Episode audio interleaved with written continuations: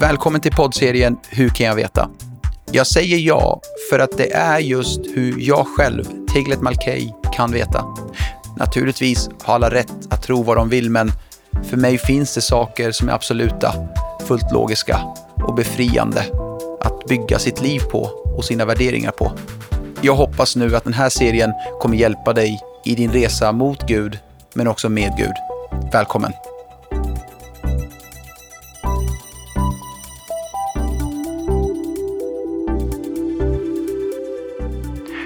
Kan jag veta att Gud faktiskt finns? Saltaren kapitel 14, vers 1 vill jag inleda med. Dåren säger i sitt hjärta, det finns ingen Gud. Alltså dåren säger att det finns ingen Gud. Jag vill nu ge dig fyra stycken punkter på hur jag vet att Gud finns. Punkt 1. Skapelsen vittnar om en skapare. Skapelsen vittnar om en skapare. Gud har uppenbarat sig själv i sin skapelse, men också i oss. I Romarbrevet kapitel 1, vers 18-20 står det så här att Guds vrede uppenbarar sig från himlen över all ogudaktighet och orättfärdighet hos människor, som i orättfärdighet undertrycker sanningen. Vers 19 säger så här, det man kan veta om Gud är uppenbart i dem. Kom ihåg ordet i dem. Gud har ju uppenbarat det för dem. I dem och för dem. Vers 20. Ända från världens skapelse ses och uppfattas hans osynliga egenskaper, hans eviga makt och gudomliga natur genom det verk han har skapat. Därför är människor utan ursäkt. Vers 19 sa så här att Gud har uppenbarat det i dem, men också för dem. Gud har uppenbarat sig själv i oss och för oss, invärtes, utvärtes, internt, externt. Låt mig bara highlighta det här som handlar om internt. Varje människa har ett samvete. Samvetet kommer från Gud. Samvetet talar till oss. Gud vittnar om sig själv i oss. Har du någon gång tänkt på hur människor är på något sätt obotligt religiösa?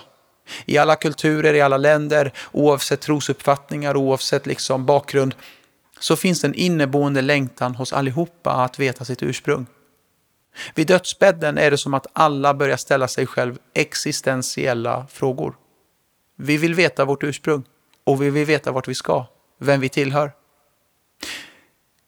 Gud har liksom lagt i oss, i vårt samvete, ett sökande efter honom själv. Vi läste också att Gud vittnar för oss, alltså i sin skapelse. Du kan titta mot himlen på en kväll.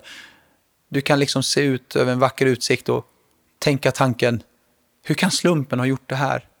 Det måste ju bara vara en Gud bakom allt det här. Varför tänker du den tanken? Jo, för att skapelsen vittnar om skaparen. Att det finns en skapelse bevisar att det finns en skapare. Jag tar ett exempel. Bullen vittnar om en bagare. Tavlan vittnar om en konstnär. Du hittar kanske inte bagaren i bullen eller konstnären i tavlan. Men du vet att de finns där för att någon måste ha gjort det här. På samma sätt kanske inte du hittar Gud under en sten. Men du vet att det finns en skapare bakom skapelsen. Ta en tavla till exempel. Hur vet du vem som har gjort tavlan? Well, du ser väl autografen. Längst ner står det eh, initialer, du vet vem som har gjort det. På samma sätt skulle jag säga att skapelsens autograf finns i Bibeln. Måste du se saker för att tro på dem?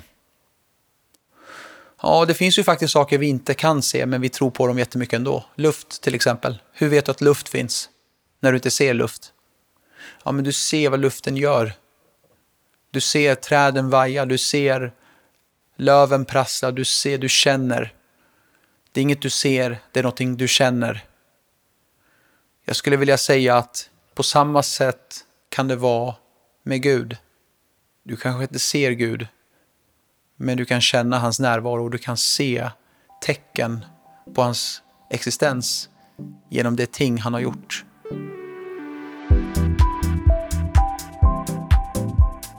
Det finns en korrekt världssyn. Det finns ingen världssyn som möter de kriterier i en världssyn som kristendomen. En världssyn måste kunna besvara fyra frågor inom fyra olika områden. Jag skulle vilja dra för dig vilka de fyra områden är. Man brukar tala om origin, morality, meaning och destiny. Origin, morality, meaning och destiny. En världssyn som ska uppfylla dig, tillfredsställa dig.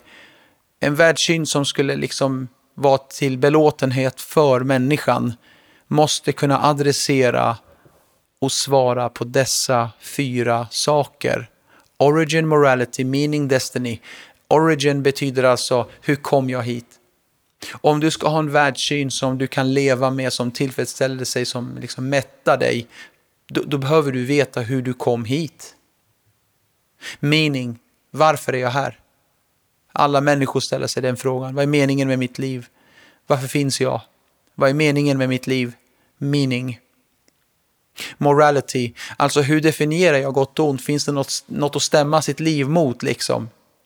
För att varje människa definierar gott och ont liksom, men finns det moraliska riktlinjer? Destiny, vad händer med mig efter döden? Vad händer när jag har dött? Finns ett liv efter detta? Origin, meaning, morality, destiny. Tyvärr har inte jag tiden i den här korta poddserien att visa dig hur hinduismen, buddhismen, islam faktiskt inte kan besvara dessa frågor. Om jag får bara ge dig ett tips, det är att om du vill gräva vidare, då vill jag peppa dig att lyssna på Dr. Ravi Zacharias. Han är, han är mm, eh, teolog och han talar ofta i universitet som Yale, Harvard, Oxford. Um, han ställer sig liksom i en aula där elever får ställa frågor och där han besvarar liknande frågor som jag nu tar upp. En gång så var det en elev som ställde frågan Why are you so afraid of subjective morality? Alltså varför är du så rädd för subjektiv moral? Alltså när alla får bestämma vad de själva tycker är rätt och fel. Subjektiv moral. Faktum är att det här är en allmän uppfattning vi har. Alla har väl rätt att bestämma för sig själv vad som är rätt för dem. Liksom. Det som är rätt för mig kanske är fel för dig. Egentligen visar detta bara hur ogenomtänkt den livssynen egentligen är. Den här studenten frågar alltså, hej Ravi, eh, varför är du så rädd för subjektiv moral? Varför är du så emot subjective morality? Ravi Zacharias, han svarade den här studenten i en fullsatt aula. Han, ställ, han sa så här, jag, jag vill svara dig med att ställa en motfråga. Låser du dörren när du lägger dig hemma? När du ska gå och lägga dig och sova? Studenten var tyst ett tag och sa Yes, ja. Då sa Ravi Zacharias så här, i så fall är du också rädd för subjektiv moral. För om moral inte har något subjektivt, Alltså om moral inte har någonting att stämmas mot, alla får bestämma själv vad de vill, vad som är rätt för dem, då kanske det finns en rånare som tycker att det är okej okay att gå in i ditt hus och ta saker och skjuta dig för att han tycker att det är okej. Okay. Du kan inte ha subjektiv moral i ett samhälle, för mord är fel. Du måste däremot ha objektiv moral, det vill säga det finns saker som är fel. Hitler, han tyckte till exempel inte att mord var fel. Och jag har personligen inte varit i Auschwitz, men jag vet vänner som har varit där.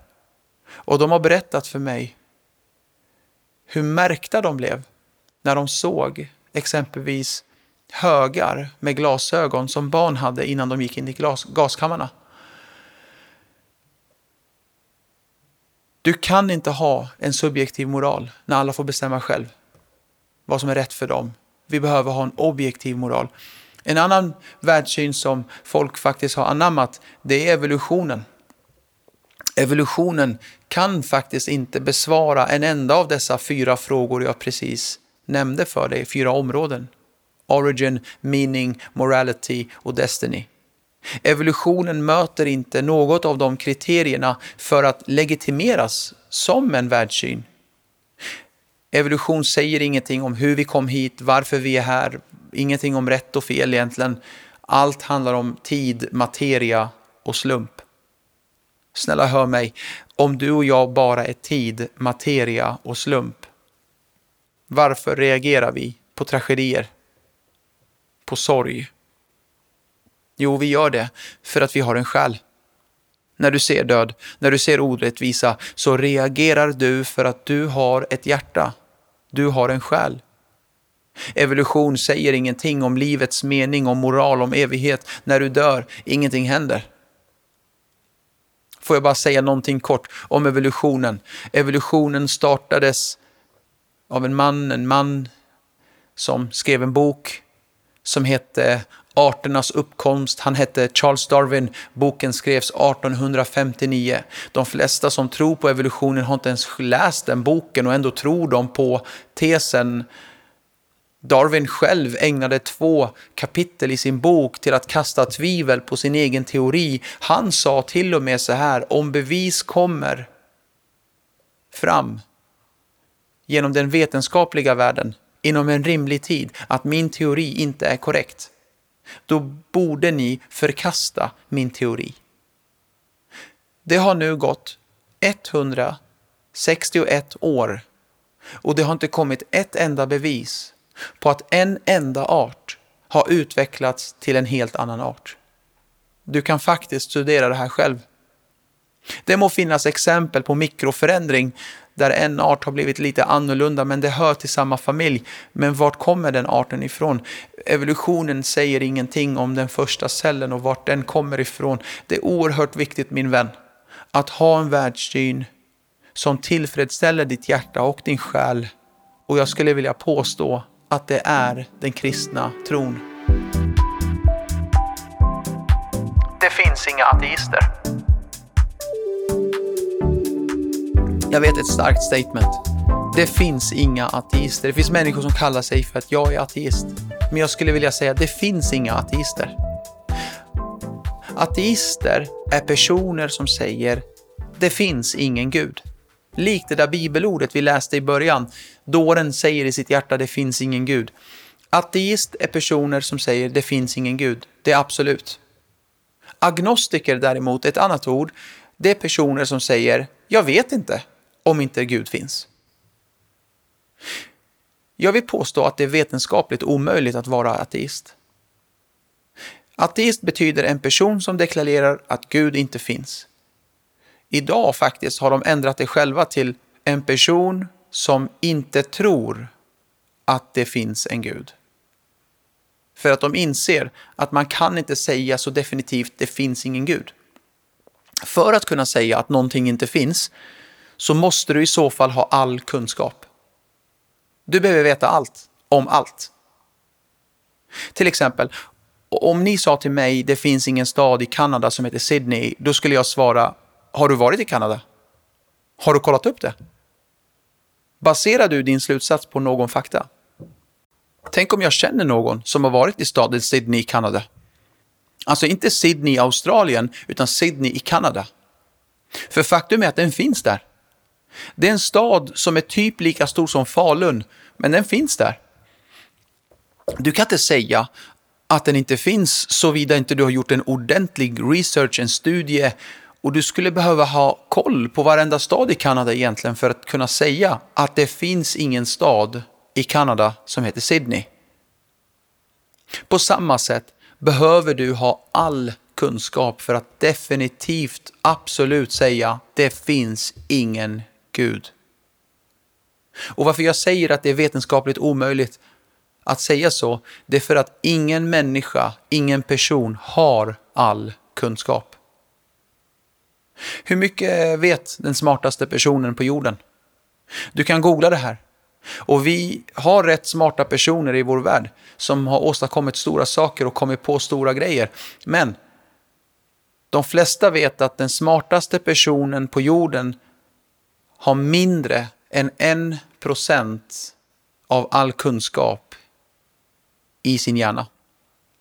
Alltså all kunskap, all matte, all, all algebra, eh, geometri, eh, all matte, historia, all historia, eh, alla kulturer som någonsin har existerat, allting om alla språk och alla subjektiv och, alla verb och all historia om varje land, varje stad, allt om alla samhällen.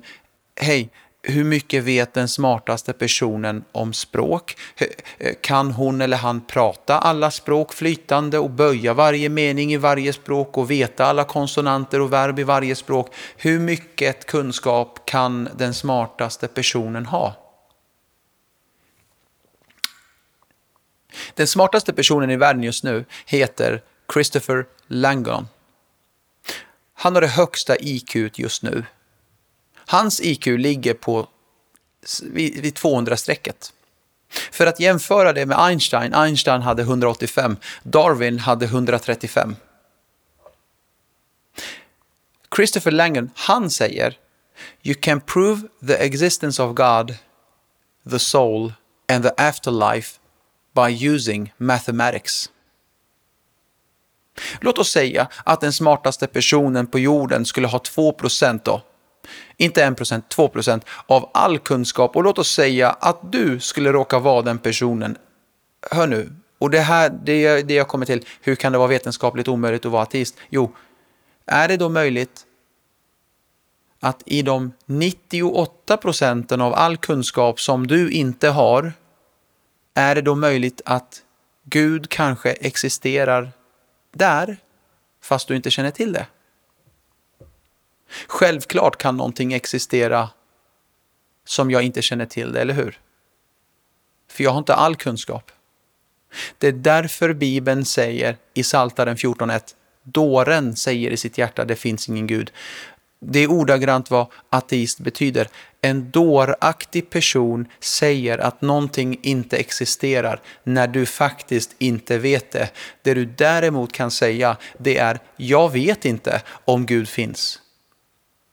Gnosis på grekiska betyder att veta. Agnosis betyder att inte veta. Agnostiker med andra ord betyder jag vet inte. Du kan inte säga att du är ateist, du kan i så fall säga att du är agnostisk. Du är inte säker. Det finns en gud. Nu kan ni vända det där resonerandet jag gjorde mot mig själv, liksom där ni frågar, vänta nu, ingen har ju all kunskap. Hur kan du säga med säkerhet att Gud finns? Du kan ju inte veta allt heller. Så hur kan du säkert säga att Gud finns? Minns du bilden jag tog? Jag sa att, tänk om det finns en stad i Kanada som heter Sydney. Om vi, om vi flippar den bilden till en människa istället. Låt mig säga så här då. Det finns ingen som heter Göran Rejestam. Det finns ingen som heter så. Den personen finns inte. Då skulle kanske din fråga bli, har du mött alla på jorden? Känner du alla i Stockholm? Vet du vad alla heter? Du kan inte säga att inte Göran finns om inte du har mött varenda person på hela jorden. För att, kanske säger du då, jag vet att Göran Rejesan finns. Jag vet det. Jag kan intyga för dig att han finns. Men du säger, men hur vet du att han finns? Du har inte all kunskap. Du har inte mött alla människor på jorden. Well, jag behöver inte ha mött alla på jorden. Det räcker att jag har mött Göran Rejestam. Jag kan säga till dig idag, jag vet att Göran finns. Jag har mött honom, jag pratar med honom, han är min vän.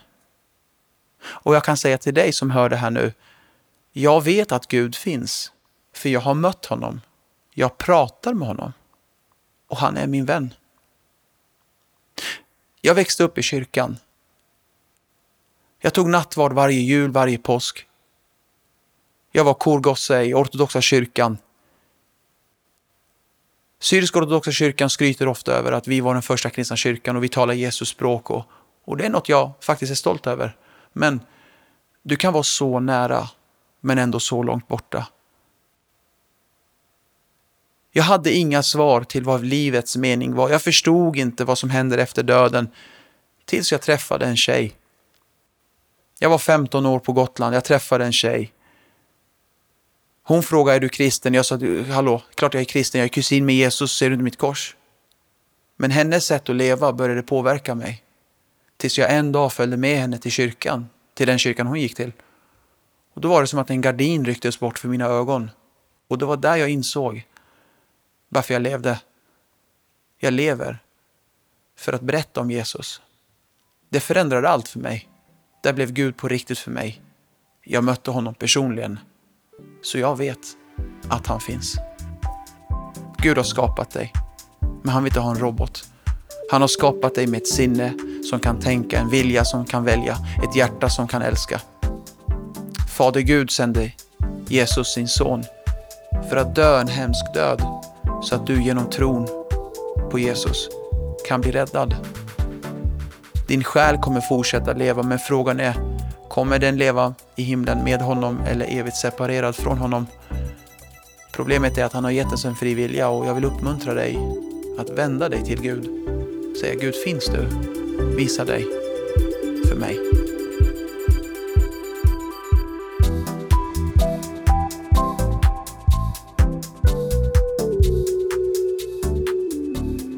Tack att du har lyssnat på poddserien Hur kan jag veta? Det här var del 1 och jag ser fram emot att köra del två tillsammans med dig.